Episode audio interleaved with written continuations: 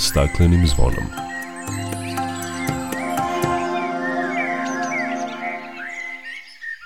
Dobar dan, srećna vam nova godina. Želimo vam dobro zdravlje i da se i u novoj godini družimo na zelenom talasu prvog programa radija Radio Televizije Vojvodine. Ja sam Dragana Ratković. U prvom izdanju emisije u novoj godini, kao što je to uobičajeno, sumiramo rezultate rada u prošloj i najavljujemo planove u novoj godini.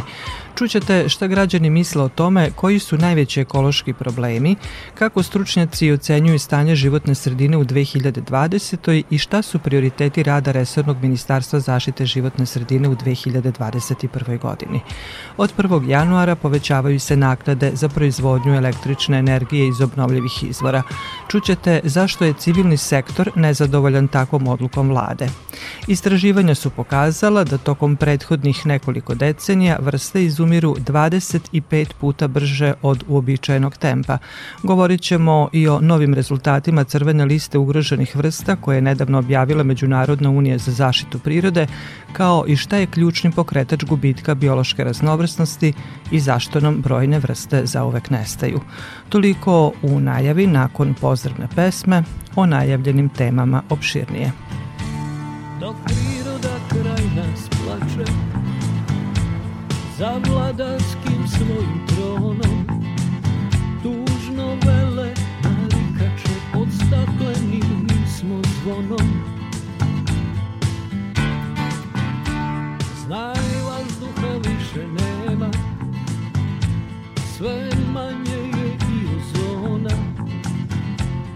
protiv sebe ide čovek i to često bez pardona.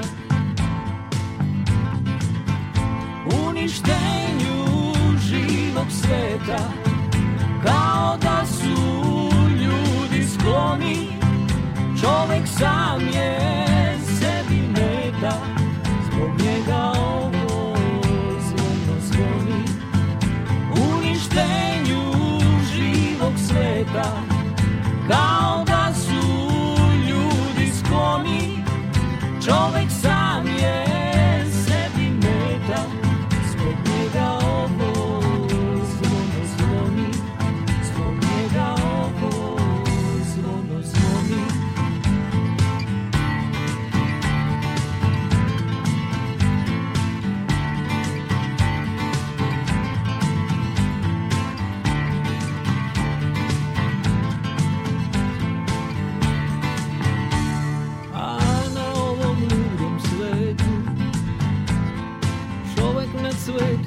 onom.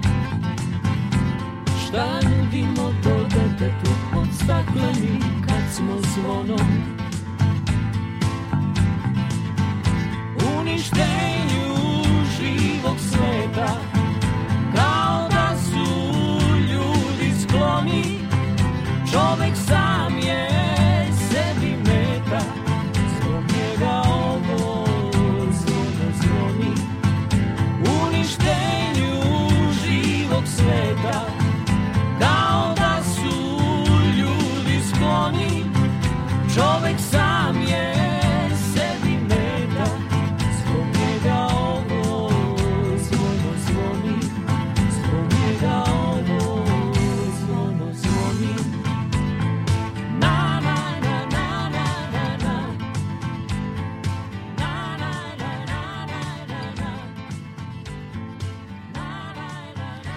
Slušate emisiju pod staklenim zvonom. Borba protiv pandemije virusom korona početkom 2020. dovela je do prestanka rada industrije, transporta, saobraćaja, smanjenja potrošnje fosilnih goriva, a time i do smanjenja emisija gasova s efektom staklene bašte. To je u veoma kratkom roku pokazalo koje su posledice ljudskog delovanja na naše okruženje. Mnogi su se obradovali da je svet napokon krenuo u pozitivnom pravcu po pitanju zaštite životne sredine. No, to je bilo kratkog daha i nije imalo velikog efekta po životnu sredinu, bar kada je naša zemlja u pitanju. Problemi u životnoj sredini, sudeći prema anketi koju smo snimili, su ostali isti. Naši najveći ekološki problemi su zagađen vazduh i još zagađenije reke. A stanje je manje više očajno. Najpre ovaj problem sa e, ogrevom, emisija ugljen dioksida, fale nam ovi prečistači otpadnih voda. To je veliki problem. Dosta je znači zagađena voda Dunava i ostalih reka. Divlje deponije, svako baca đubre gde stigne, neretko je li u reke, plastične kese. Broj 1 je đubre po gradu. Svuda se sve baca, nigde flaše, nigde flaše ne mogu da stavim, flaše se bacaju. Sombor je izbacio sad kontejnere za staklo, a mi smo naše spalili još pre par godina. Tako da se đubre širi po gradu drastično. Mislim da je užasno, najveći problem fabrike i mesna industrija koja ispušta u kanale i mislim da je to mnogo veći problem i te hidroelektrane i tako te stvari. Ovo đubre, kesi, to, to, to jeste ruglo ovako na oko, ali mislim da je mnogo ozbiljnija stvar ovo šta šaljemo u Dunav, šta šaljemo u more, mislim da je tu veći problem. Automobili na prvom mestu. I možda malo više da se pobrinemo za ozelenjavanje gradskih površina. I uopšteno, znači da malo više imamo tog zelenila drveća i smeće, mislim to smeće treba da se selektuje šta je šta, razumete, i da, da se zna gde treba da stoje, ne po ulici i te divlje deponije. Zagađenje vazduha i vode i ovo grejanje na ugalj, to je isto katastrofa i izlivanje otpada u rijeke. Pa jako loš, prvenstveno zbog jako velikog dima i ugljen dioksida i jako puno ljudi greje se na drva i na ugalj, što dosta doprinosi tome da se vazduh zagađuje. Ekološki problemi koji su još e, vidno kod nas izraženi je upotreba plastike i nedovoljno kapaciteta za reciklažu plastike. Problem predstavljaju neprečišćene vode koji se slivaju u vodotokove i dosta toga zagađuju okolinu i zagađuju kompletan vodeni živi svijet. Smeta mi prljavština na ulici, smetaju mi pseći izmeti, smetaju mi bacanje kesa po ulicama, u vazduhu da se ne priča. Sve mi smeta. Loš sistem, to je jedini. Kao pojedinci ne možemo rešiti ništa sami. Ja mislim da su ljudi Zato što bacaju na sve strane smeće, svi su krivi drugi, a niko neće da krene od sebe. Smatram da je nekultura ono što mi vidimo po gradu. I ne može da ide iza svakog od nas jedan iz čistoće i da skuplja đubre. Mislim, to je sumano. Deponije smeće. Šta će biti sa time? Znači, te gomile su sve veće i veće i kako će to da se reši? Generalno, treba više zelenih površina, treba više drveća i vazduh će biti čistiji, a ovo je stvarno problem najveći smeće i to koliko je možda čista voda, šta ima vodi, znači voda nam je važna, hrana tako i tako, jel sve vuče jedno drugo. A od tog silnog smeća ne znam više ni koliko nam je zdrava hrana. Pa najveći problem je puno automobila, to je pod jedan, znači puno izduvnih gasova. Drugo, to se mene lično tiče, mislim da grad više nije ni blizu čist kao što je bio nekada. Ima dosta divljih deponija, ima puno izlomljenih kontejnera, ima puno nekulture kod ljudi koji odlažu smeće tamo gde ne sme da se odlaže. Još e, da dodam da, iako sam sam ljubitelj životinja, mislim da mnogo, mnogo ljudi koji su vlasnici pasa ne paze oko toga gde njihovi ljubimci vrše higijenu, a to su obično parkovi, pa ja mislim da je stanje negde trojka.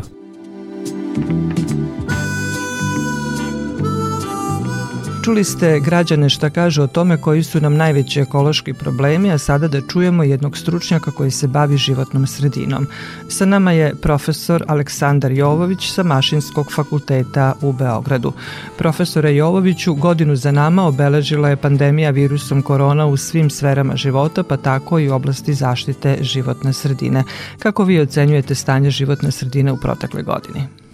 Je da je pandemija korona u stvari obeležila ovu godinu, verovatno i deceniju, pa ko zna vidjet ćemo i dalje duži vremenski period. I kada se ta korona sada prenese na životnu sredinu, sećate se, u prvom delu godine pokazivalo se da su emisije usled prestanka rada velikog broja energetskih postrojenja, pogotovo u Kini gde je pandemija negde započela, uticale na smanjenje emisije gasova sa efektom staklene bašte. Izvesno je verovatno da je pandemija uticala mnogo čemu na smanjenje industrijskog razvoja ovaj, u mnogim zemljama, pa time i zagađenje, pogotovo zagađenje vazduha. Kada se pogleda naša zemlja, možda do toga toliko i nije bilo. Energetski sistem je nekako radio isto, ako ne čak i više, pogotovo u sistemi toplana, tako da sigurno do smanjenja emisija ni gasova sa staklene bašte, ni ovih drugih nije došlo, a industrijska postrojenja jesu delimično smanjila proizvodnju, tako da se o nekakvom smanjenju zagađenja može govoriti. Najviše se osetilo, čini mi se, kroz zagađenje iz oblasti saobraćaja, s obzirom da je veliki broj ljudi počeo da radi od kuće, smanjio se transport, pa su veliki gradovi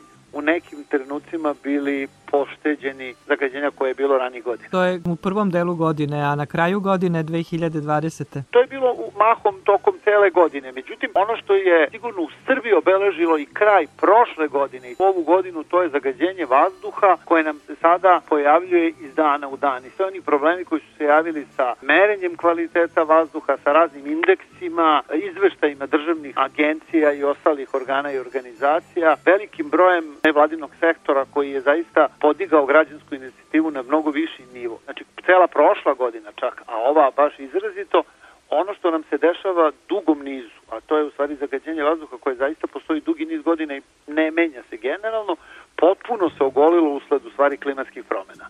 Oni posebni meteorološko-klimatski uslovi koji zagađenje vazduha stvore vidljivim ove godine ili krajem prošle godine su bili toliko česti da je ovaj zagađenje vazduha sada postalo sasvim uobičajena tema u Srbiji i nažalost još nikakvih rezultata poboljšanja nema, ali se bar čini mi se svest građana o pitanju životne sredine i zagađenja vazduha znatno podi. Još su sigurno dva do tri veća događaja se pojavila ili su bila značajna u toku ove godine, to je sigurno borba za smanjenje uticaja malih hidroelektrana na životnu sredinu. To već traje neko duže vreme. Videlo se da su tu država, inženjeri, građanska inicijativa, svako na svojoj strani i da nekako, čini mi se, se teško nalazi, izlazi svega toga, iako je izvesno da je taj put u dužem vremenskom periodu koji se odnosio na male hidroelektrane bio pogrešan. Što se drugih stvari tiče, to su u svakom slučaju potencijalna izgradnja velikog kompleksa za eksploataciju jadarita u Loznici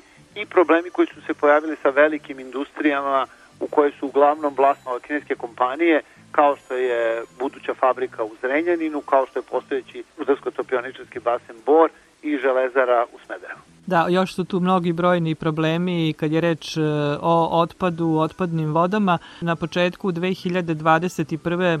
godine videli smo kakvo stanje unosimo u, u novu, da tako kažem, ekološku e, godinu. Šta je po vama prioritet kad je reč o životnoj sredini u 2021. Kada je reč o 2021. i prioritetima, mislim da se prioriteti u Srbiji ne menjaju. Ako govorimo lako gledano u svakodnevnom životu, zaista kao nešto što je hitno, to je taj problem zagađenja vazduha, znači jako velika kontrola rada industrijih postrojenja, potpuno ukidanje slobodne prodaje loših goriva, pojačana kontrola kućnih ložišta ne u domaćinstvima, već stav, pri stavljanju na tržište. Ne bi li se zaista ovo alarmantno zagađenje vazduha koje je ozbiljno, ozbiljno ugrožava zdravlje ljudi manjilo. Ono što je sigurno tu na jednakoj osnovi to je upravljanje otpadnim vodama iz industrije i domaćinstava, odnosno komunalnih otpadnih voda i naravno upravljanje otpadom. Nama deponije 2020 ili 2021. godine, znači skoro polovinom 21. veka i dalje gore, što je prosto neverovatno i zaista nas vodi na nivo da smo gori i od mnogih, da kažemo, ono, zaostalih zemalja u svetu. Ta tri sektora će sigurno obeležiti 2021. godinu jer se veliki broj projekata, pogotovo u oblasti otpada i otpadnih voda, planira sa raznih strana, finansirano sa raznih strana. Ono što je ključno, a to su stvari klimatske promene, koje mi u životu nekako zanemarujemo, a izvesno je da pod hitno mora biti usvojen zakon o klimatskim promenama, strategija niskogljeničnog razvoja, znači jedno i drugo je prošlo sve javne rasprave, nalazi se u formama nacrta među ministarskim konsultacijama i tako dalje, ne bili, ne da bi mi se pokazali pod pred svetom da smo više ili manje civilizovani, da razmišljamo i o toj oblasti, već da bi stali u red onih koji vide da je to u stvari tehnološki napredak. Znači, borba protiv klimatskih promjena nije samo tek tako. Ona donosi ogroman broj novih tehnoloških inovacija. Znači, donosi celu jednu oblast koja se zove pametna specializacija ili smart specialization. Srbija i Crna Gora su prve u regionu koji su usvojile, na primjer, takve strategije. Donosi zaista puno toga, puno novih radnih mesta u onom delu, da kažemo, neprljavih tehnologija. Ono upravo čega želimo da se da se oslobodimo. Tako da mislim da je borba za, za smanjenje klimatskih promjena pravi prioritet u narednom periodu, ali je izvesno da će nas ove svakodnevne životni problemi kao vazduh, voda, đubre sigurno zaokupiti mnogo više. Ono što je obeležilo 2020. i što će sigurno obeležiti 2021. to je zagađenje vazduha. Kako vi ocenjujete rasprave i postupak Agencije za zaštitu životne sredine što je smanjila indekse e, o kvalitetu zagađenja vazduha? Što se tiče tog problema koji se javio sa indeksom kvaliteta vazduha, stvar je postala nekako potpuno nezna. Meni se zaista učinilo da nije došlo do nekakvih dramatičnih promena. 2011. kada je agencija usvojila indekse kvaliteta vazduha, usvojila je poneki od tih indeksa strožiji nego što su bili evropski. Sada se samo usaglasila sa tim evropskim. Sad, činjenica, zašto baš u godini kada vam je loš kvalitet vazduha, vi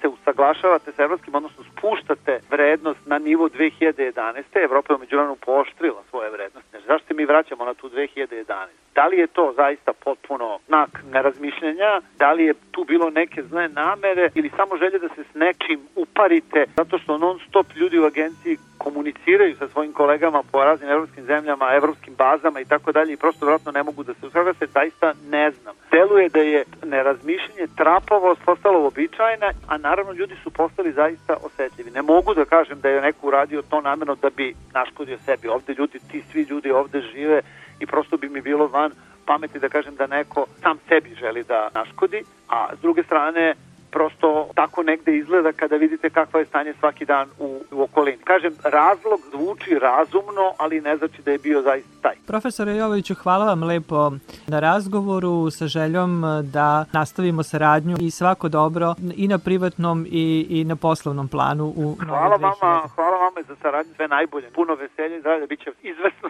veselije nego 2020. i vama, vašim najbližima i koleginicama i kolegama. Hvala još jednom, svako dobro hvala, i prijetno. prijetno.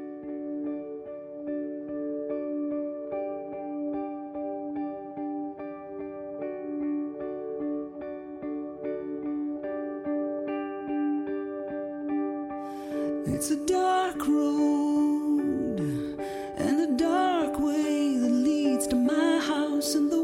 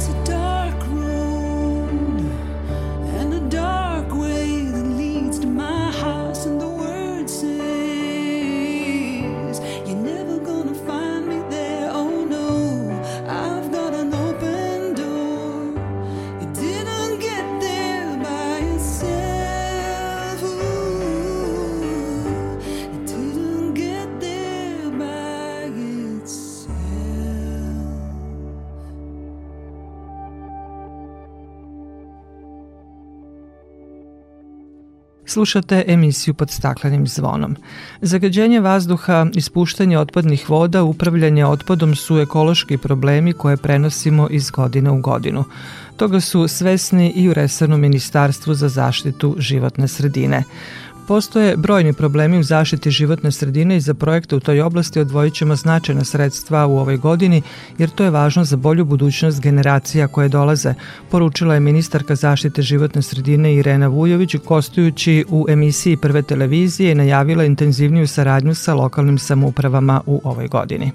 Stav ove vlade jeste jedan od prioriteta zaštita životne sredine i svakako ćemo odvojiti značajna sredstva i u sledećoj godini, a isto tako i putem kreditora i ulagat ćemo u velike projekte zato što u različitim opštinama i gradovima postoje različiti problemi. Mi imamo zdravu ekonomiju i mogli smo da odvojimo sredstva za 2021. godinu. Kada govorimo o aerozagađenju, to nije problem koji je i nastao danas juče i ovih dana, nego je to problem koji je više decenijski problem i da li zagađenje postoji, jeste, ono postoji. Da li moramo da radimo brže, moramo svakako, ali moja ideja je da predstavim građanima to šta ćemo uraditi i šta možemo da uradimo. Dakle, planirana je intenzivnija saradnja sa jedinicama lokalnih samouprava i odvojena su sredstva za konkurse, za pravna lica, za zamenu kotlarnica u domovima zdravlja, vrtićima, školama, svuda gde je neophodno, gde imamo čvrste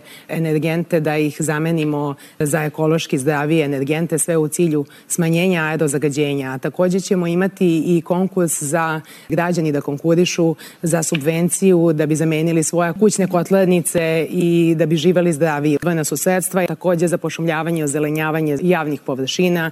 To je ono što je i najvidljivije i što najbrže donosi rezultate. Ali kada govorimo o aerozagađenju, moram e, da istaknem da ćemo sledeće godine rešiti problem aerozagađenja u gradu Kragujevcu. Dakle, gradska toplana koja je jedan od najvećih zagađivača, kotlanica će biti zamenjena, bit će priključena na gas i ono što je izuzetno važno da je počelo sa izgradnjom postrojenja na tentu A za sumporavanje, a isto tako i kamen temeljac je položen na tentu B. I svakako da su to veliki projekti za koje su odvojena značajna finansijska sredstva i čija će realizacija biti u naredne dve godine. I naravno da da postoji puno problema kada govorimo o zaštiti životne sredine. Imamo probleme sa deponijama. U 140 gradskih deponija je potrebno dodatno ulaganje, proširivanje kapaciteta, ali isto tako imamo problem i sa divljim deponijama da, kojih da. ima preko 3,5 hiljade u Srbiji. Radimo intenzivno na tome, razgovaramo s jedinicama lokalne samouprave. Sledeće godine će početi sa uh, radom izgradnja regionalnih centara, dakle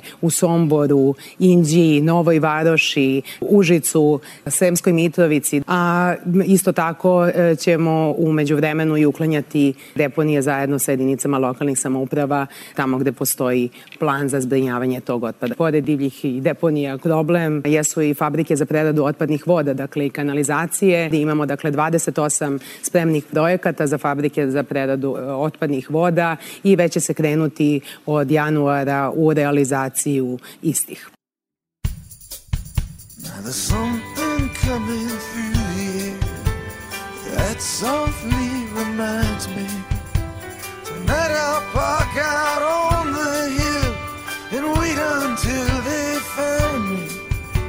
Slipping through the ether, a voice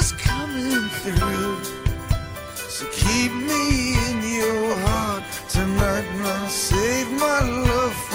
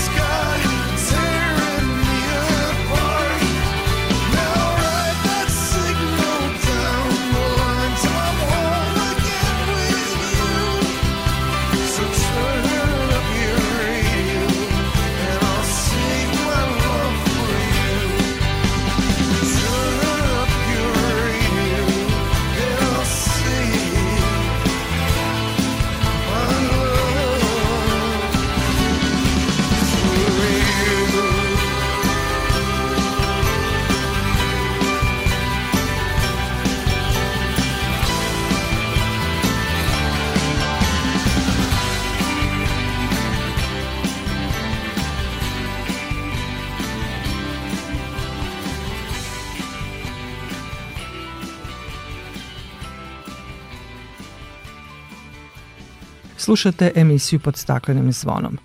Uprkos višegodišnjim apelima organizacija civilnog društva i protestima lokalnih zajednica da se ukinu ulaganja u male hidroelektrane putem naknade za obnovljive izvore, vlada Srbije usvojila je uredbu kojom se od 1. januara gotovo petostruko povećava iznos naknade za proizvodnju struje iz obnovljivih izvora.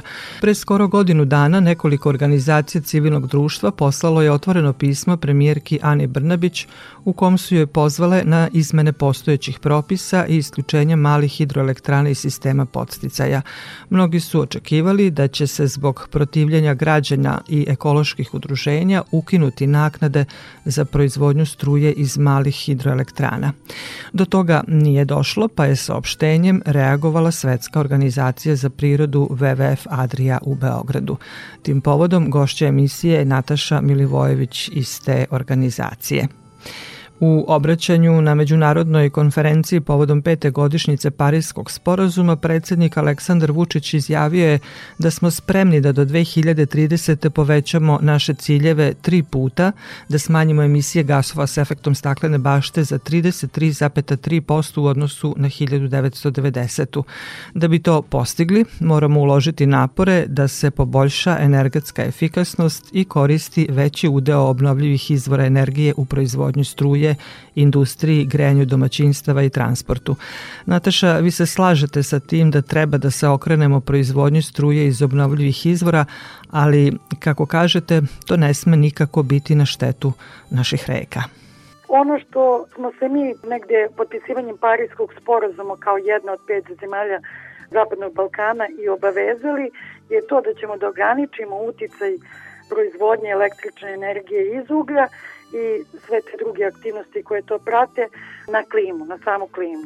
I sam izveštaj energetske zajednice ističe da je Evropska unija sve više zainteresovana da se u njenom, da kažem, susedstvu postepeno ukine korišćenje uglja, da se uvede porez na CO2 i da se ubrza neko energetsko renoviranje objekata.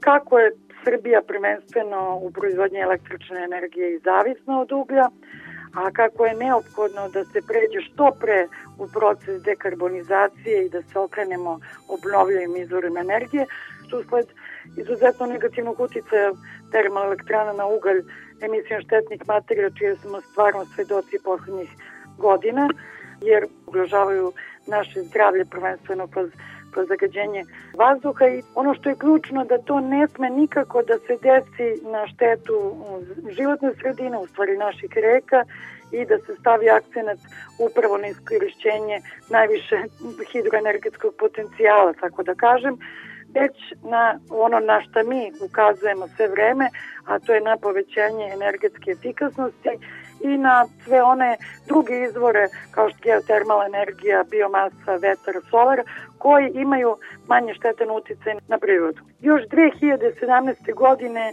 upravo energetska zajednica i pozvala Srbiju da usvoji set izmene zakona o energetici i među njima i predložila izmenu U tim predloženim izmenama se izdvajaju uvođenje postupaka javnog nadmetanja, zatim ukidanje statusa privremeno povlašćenih proizvođača električne energije. I shodno tome smo mi pre skoro godinu dana nas nekoliko organizacija civilnog društva premijer Keni Brnabić i uputili otvoreno pismo u kojem smo je pozvali da e, pristupe izmeni postojećih propisa, da isključe mali hidroelektrane sistema podsticaja, da se formira jedna radna grupa u kojoj će biti članovi civilnog društva i čitav taj proces izmene zakona o energetici, ali do danas eto ne samo da taj proces nije započeo, već su evo i podsjece uvećani petostruko. Vi smatrate da uvećanje naknada koje će dovesti do poskupljenja struje nema nikakvu društveno-ekonomsku opravdanost? Zašto je došlo upravo do ovog poskupljenja? Razlozi su sve ove prethodno što sam najavila, a i, i to da je ova uredba o naknadama za postice povlašćenih proizvođača uvedena negde 2013. godine, a ona je 2015. je povećana cena sa 0,081 na 0,093 dinara po kilovat času utrošene energije i sad evo imamo ovo povećanje, stvari uvođenje uredbe A ono što je prouzrokovalo svemu tome je upravo činjenica da je u taj sistem podsticaja prethodnih godina da se uključio veoma veliki broj proizvođača električne energije iz obnovljivih izvora energije, to je znači i malih hidroelektrane i solar i vetar i biomasa. I to za posledicu upravo ima manjeg sredstava koje su potrebne da bi se isplatili podsticaji, a to elektroprivreda Srbije namiruje iz sobstvenih sredstava, te iz neke analize ekonomske opravdanosti u prethodnih godina i po dana upravo radili, a na osnovu podataka Agencije za energetiku kaže se da je u periodu od oktobra 2017. do novembra 2018. na namenski račun za prikupljanje naknada za povlašćenje proizvođača električne energije preneto preko 23 miliona eura. Ono što je bitno da naglasim takođe da ovi posticaji se znači, isplaćuju, kao što sam rekla, u vidu feed-in tarifa, da slušalcima bude jasno zašto sad sve ovo pričam. To je model koji je su napustile skoro sve države Evropske unije i prešle su upravo na modele koji su tržišno usmereni kao što su aukcije. I to ono na što je potencirala energetska zajednica još 2017. godine, jer se na taj način smanjuju subvencije. I sad kada uvedemo aukcije, što je najavljeno još 2019. kod nas, one ne bi bile ukinute onima koji su već povlašćeni proizvođači energije iz malih hidroelektrane, jer oni su potpisali ugovor na 12 godina, već će se tim nekim prelaskom na aukcije smanjiti upravo izdvajanje za subvencije. I tu je primer odličan Severna Makedonija i Albanija koji su otišle daleko ispred nas u tom postupku i modelu i tako su obezbedile smanjenje troškova subvencije koje plaćaju upravo krajnji potrošači. Federacija Bosne i Hercegovine je najavila zaustavljanje svih mera podsticaja za male hidroelektrane početkom 2021. godine, a i nova crnogorska vlada je najavila što skoriju zabranu njihove izgradnje. Pomenuli ste Makedoniju, Albaniju, izgleda da samo ostajemo mi koji subvencionišu izgradnju malih hidroelektrana. Federacija je to pre par meseci najavila, šta će biti od toga vidjet ćemo, ali evo Crna Gora je već napravila radnu grupu, radi na izmeni zakona o energetici, tako da su mnoge države u okruženju su već sve to počele, prešle, mi ćemo očigledno ili da trpimo neke posledice svega toga, kažem, to se već vidi u kvalitetu vazduha naročito poslednjih godinu dana koji imamo ogroman problem.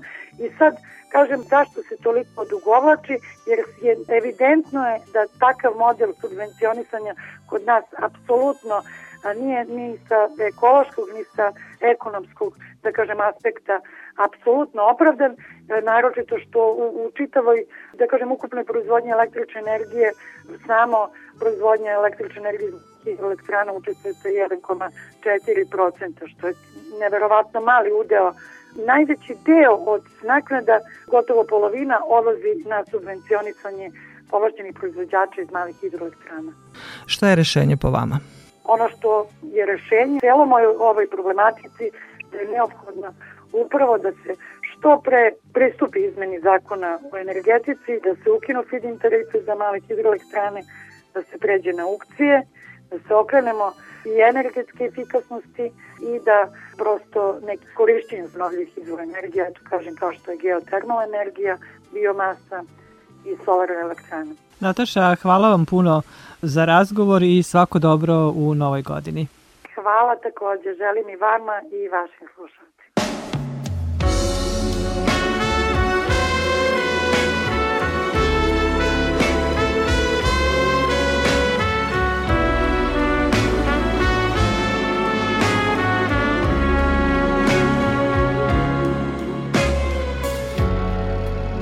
I put a spell on you.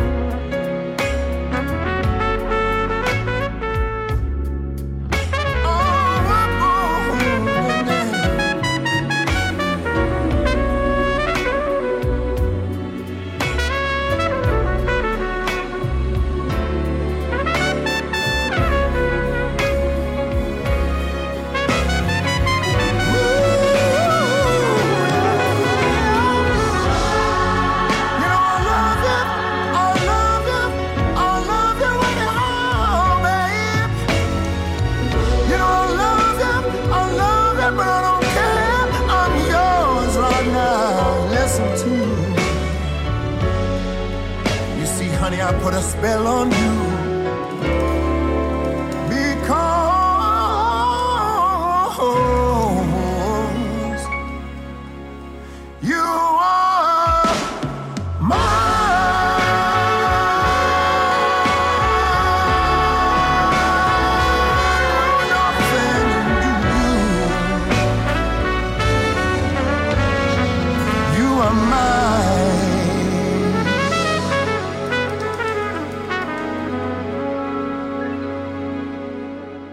Slušate emisiju pod staklenim zvonom. Jedino život u skladu sa prirodom je osnova održivog opstanka živog sveta na planeti, ali narušavanje tog sklada, uništavanje prirode ima katastrofalne posledice kako po prirodu, tako i po ljude. Sve što nam je potrebno dolazi iz prirode i upravo zbog velikog pritiska na prirodu iz godine u godinu sve veći broj vrsta koje zauvek nestaju ili su sve ugroženije.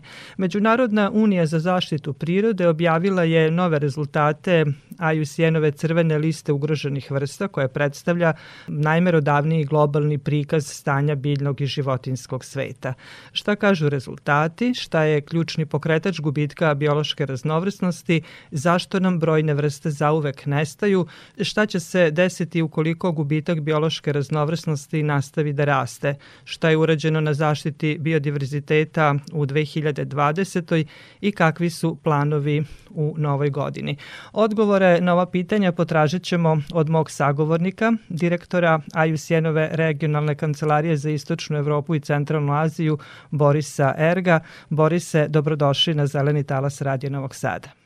Dobar dan Dragana i dobar dan svim slušalcima. Pre svega srećna vam e, nova godina. Hvala. Priču o biodiverzitetu i zaštiti biodiverziteta moramo početi upravo od onoga što sam najavila. Vrste su nekako u prošlosti izumirale određenom dinamikom, jedna vrsta na milion svake godine, a današnji stepen izumiranja je od 100 do 1000 puta veći od tog proseka i najmerodavniji izvor informacija o statusu očuvanja vrsta u svetu je crvena lista ugroženih vrsta Međunarodne unije za zaštitu prirode. Početkom decembra objavili ste najnovije podatke e, svoje crvene liste. Šta kažu rezultati? Kao što ste rekli, sada je već 50 i nešto godina kako je um, IUCN crvena lista ugroženih vrsta najreprezentativniji prikaz stanja uh, živog sveta na planeti. A crvenu listu koordiniše IUCN, Međunarodna unija za zaštitu prirode, ali to je jedan zajednički napor u kom učestvuju brojne organizacije koje se bave zaštitom prirode u raznim oblastima. IUCN je tu da koordiniše i da objavljuje podatke. Tako smo i evo izašli sa novim podacima, pošto je to uh, velika lista procenjeno je stanje populacija vrsta za nekih 130.000, odnosno 128.000, da, na granici 129.000 vrsta po metodologiji crvene liste. Tako da sad sa novim podacima koje smo objavili, nažalost, ono što upada u oči je da je 31 nova vrsta upisana kao izumrla vrsta. Znači to su vrste za koje dugi niz godina ne postoji dokaz da su primećene jednostavno u prirodi i sada smo 31 novu vrstu upisali na listu iščezli. Iščezla vrsta znači da je iščezla. Mi nemamo mogućnost da vratimo iščezle vrste i to je, to je surova realnost. Ono što je također realnost je da iščezle vrste ne, ne podrazumevaju samo male majušne vrste koje je teško uočiti, nego naprotiv, čezavaju sisare pred našim očima. Ono što takođe ovaj deo liste o, is, o vrstama pokazuje jer su to gotovo sve vrste koje su vezane za vlažna staništa. Recimo imamo vrstu delfina iz Amazona, imamo, imamo dosta vrsta riba, nešto vodozemaca, što s druge strane samo pokazuje koliko su vlažna staništa ugrožena i koliko su sve vrste koje su vezane za vlažna staništa izuzetno ugrožena. To inače pokazuju podaci sa crvene liste, jedna od najugroženijih grupa vrsta taksonomskih grupa su svakako vodozemci koji svoj životni ciklus vezuju za vlažne stanište, reke, mora, bare i slično. A s druge strane imamo recimo koralne grebene čiji je pad izuzetno drastičan što samo pokazuje da se i temperatura vode i, i biohemijski sastav faktički vode u tom nekom priobalnom pojasu gde se koralni grebeni formiraju izuzetno izmenjen i da na štetu koralnih grebene. Sad, to ima veoma direktne konsekvence za naše živote, pogotovo kako koralni grebeni, priobalni pojas u pitanju i slično, nestanak vlažnih staništa. Da. Tako da to je crveni deo liste. Ono o čemu bih takođe hteo da kažem, drugi kraj liste, a to su neki uspesi i svakako je sa ovim izdanjem crvene liste najveći uspeh povratak evropskog bizona, ako tako možemo da kažemo, jedna kategorija dalje od ugroženosti, znači jedna stabilnija populacija koja raste, sad imamo preko 6000 jedinki, od vrste koja je gotovo izumara, znači najveći sisar evropskih prostora, evropskih šuma i slično, tako da evo imamo i pozitivne rezultate koji znamo pokazuju da aktivno ulaganje u zaštitu prirode daje rezultate. Da, ali ono što ste na početku rekli sve ukazuje na ozbiljan pad populacije divljih vrsta, što je na neki način upozoravajući znak da nešto nije u redu. Šta nije u redu i šta je ključni pokretač gubitka biološke raznovrsnosti? Godina je najavljivana kao super godina za izuzetna godina za biodiverzitet, zato što su planirana dva velika globalna događaja, istina u Kongresu za zaštitu prirode i nakon toga konferencija potpisnica konvencije o biološkoj raznovrsnosti, što je sve treba trebalo da bude krunisano jednim novim globalnim dogovorom za očuvanje prirode. To se nažalost nije desilo usled COVID-a, naravno usled pandemije, ali, ali desilo se nešto neobično za prirodu s druge strane, a to je da je da je sama pandemija pokazala koliko je naše upravljanje prirodnim resursima, korišćenje prirodnih resursa neracionalno i neadekvatno i s druge strane, osim što se uništava priroda, mi se kao kao vrsta izlažemo rizicima, a pokazalo se da nismo bili spremni za to nismo bili spremni da reagujemo. Tako da godina je iznjedrila i, i jedan veliki globalni izveštaj o pandemiji koji je evo, na, na tragu vašeg pitanja upravo i, i negde učvrstio to uverenje da krčenje prirode, nestanak prirodnih staništa usled širenja infrastrukture, klimatskih promena, zagađenja, uz to vezano za pandemiju naravno i, i najdirektnije korišćenje prirodnih resursa, trgovina divljim svetom, konzumiranje životinja, biljaka i slično, da su to najznačajniji faktori ugrožavanja prirode. To je pandemija samo pokazala i, i dodala je negde na, na već postojeće krize biodiverziteta i krizu izazvanu klimatskim promenama. Tako da smo mi sad negde u kolopletu kriza, tim što je ova poslednja košta najviše života i, i naj, najočiglednija je i onda negde podigla crvene zastavice i alarmirala na sve. Mi sad govorimo o nekom boljem povratku, nekom boljem sutra koje sada gradimo, a, ali to bolje sutra ne može nikako da se, da se, da se postavi e, ili uspostavi na, na istim premisama na koje smo gradili, e, gradili društvo danas. Da, kada govorimo o očuvanju biodiverziteta, eto, još jednom da kažem, 2020. očigledno nije bila neka prekretnica, ali ono što je sigurno obeležilo 2020. godinu, a važno je za ove naše prostore, to je da je Evropska komisija usvojila strategiju za zaštitu biodiverziteta do 2030. i na taj način definisala ambiciozni dugoročni plan za zaštitu prirode i zaustavljanje degradacije ekosistema. Mnogi kažu da je strategija objavljena u pravom trenutku. Šta ona sadrži? Tako je i, i deo odgovora na vaše pitanje vezano za koji su uzročnici nestanka prirode i, i sad ako to stavimo negde u, u ravan klimatskih promena i u tu perspektivu vidjet ćemo da je, da je zapravo tu postoji jedan eksponencijalni rast u proteklih 150 do 200 godina. Znači, negde koincidira sa, sa industrijskom revolucijom i jednim ubrzanim razvojem čovečanstva i tehnološkim i demografskim. Što se tiče izumiranja vrsta, kada pogledamo kako ta kriva ide, vidjet ćemo da je u proteklih 40 godina Znači samo 40 godina, to je, ovaj, to je za mog života, nestalo više od 50% divljeg sveta. Mi imamo populacije vrsta, tigrovi, lavovi i slično, vrste koje svi dobro znamo, čije su populacije pale za između 50 i 80% u proteklih 40 godina. Znači ovo što danas imamo je negde između 10 i 30% onoga što smo imali pre 50 godina. Znači taj pad je drastičan i to moramo da razumemo. Znači to nije jedna konstantna kriva koja se jednostavno dešava i ovaj i onda blago raste, stagnira, stagnira ili pada. U tom smislu je situacija dosta alarmantna i ovaj klimatske promene i pandemije su samo samo pojačale taj utisak zato što su pokazale koliko smo mi zapravo ranjivi i koliko je priroda bitna. E sad godina jeste bila planirana da bude super godina za biodiverzitet i nije bila u smislu događaja, ali pitanje da li su događaji kao takvi najvažniji. Događaji su tu naravno i da, da postignu neke dogovore, Tako da je ovaj, e, ova strategija Evropske unije za, za biodiverzitet i opšte zeleni dogovor jedna zelenija orijentacija Evropske unije u, u širem smislu je značajan doprinos očuvanju prirode, odnosno prvi korak ka tome. Mi ćemo naravno, ostaje da se vidi kako će strategija da bude ovaj sprovedena, ali ciljevi su dosta, dosta ambiciozni i po pitanju zaštite prirode i po pitanju obnavljanja prirodnih resursa kojih više nema. I Evropska unija ima vrlo ambiciozan cilj da poveća površinu pod zaštićenim područjima do 30%. Mi znamo da je svetski globalni cilj sad u ovom trenutku 17%. Evropska unija podiže tu lestvicu na 30% od čega je jedan značajan procenat toga da bude strogo zaštićeno. Tako da Evropska unija u tom smislu je postavila jasan cilj da se 30% zaštiti, da je od toga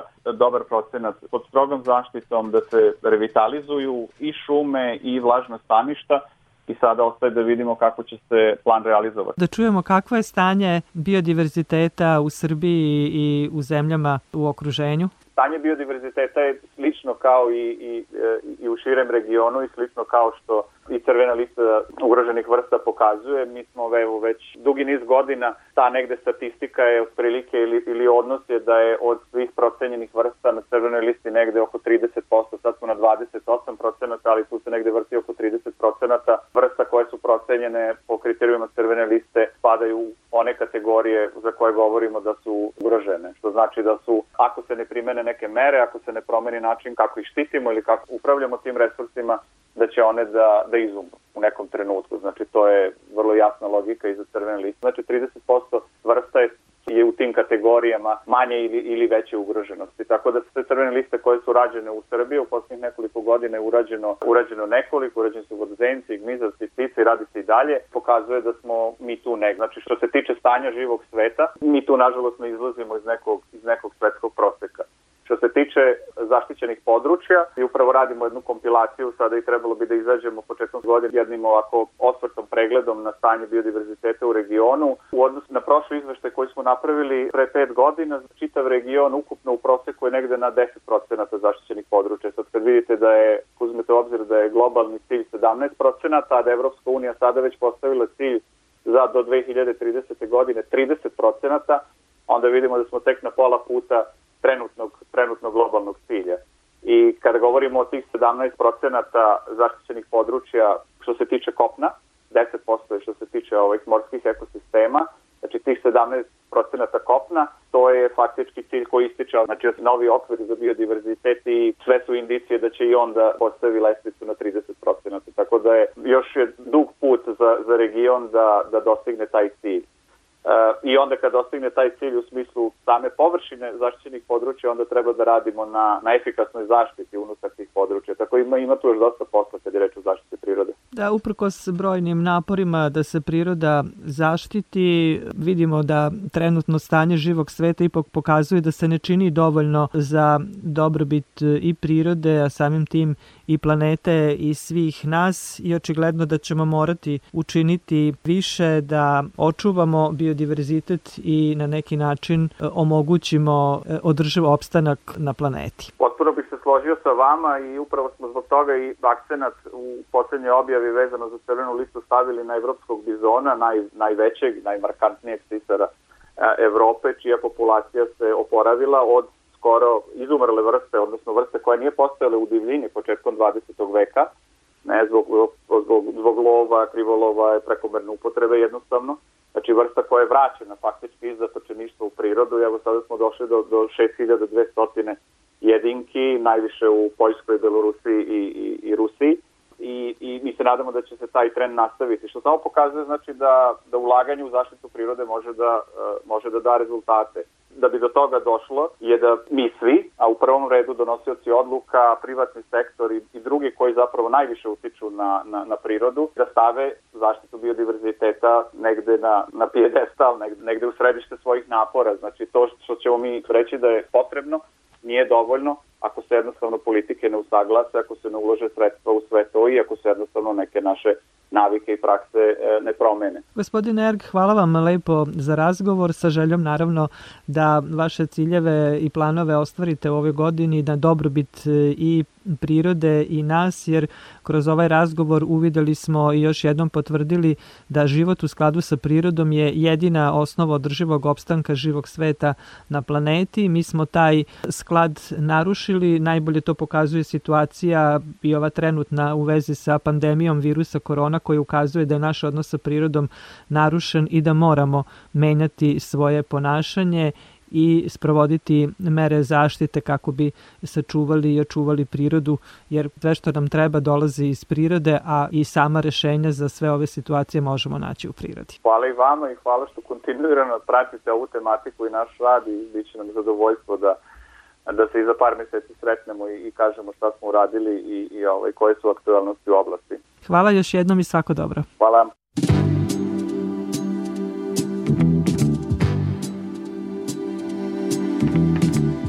Toliko u ovom prvom ovogodišnjem izdanju emisije pod staklenim zvonom. Želimo vam da u nove godini budete zdravi, srećni i uspešni, da živite u skladu s prirodom i tako čuvate životnu sredinu. Emisiju pod staklenim zvonom možete slušati i odloženo na podcastu Radio Televizije Vojvodine na adresi rtv.rs. Na pažnji vam zahvaljuju Marica Jung, Zoran Gajinov i Dragana Ratković. Naredni susret zakazujemo za sedam dana u isto vreme na zelenom talasu prvog programa radija Radio Televizije Vojvodine.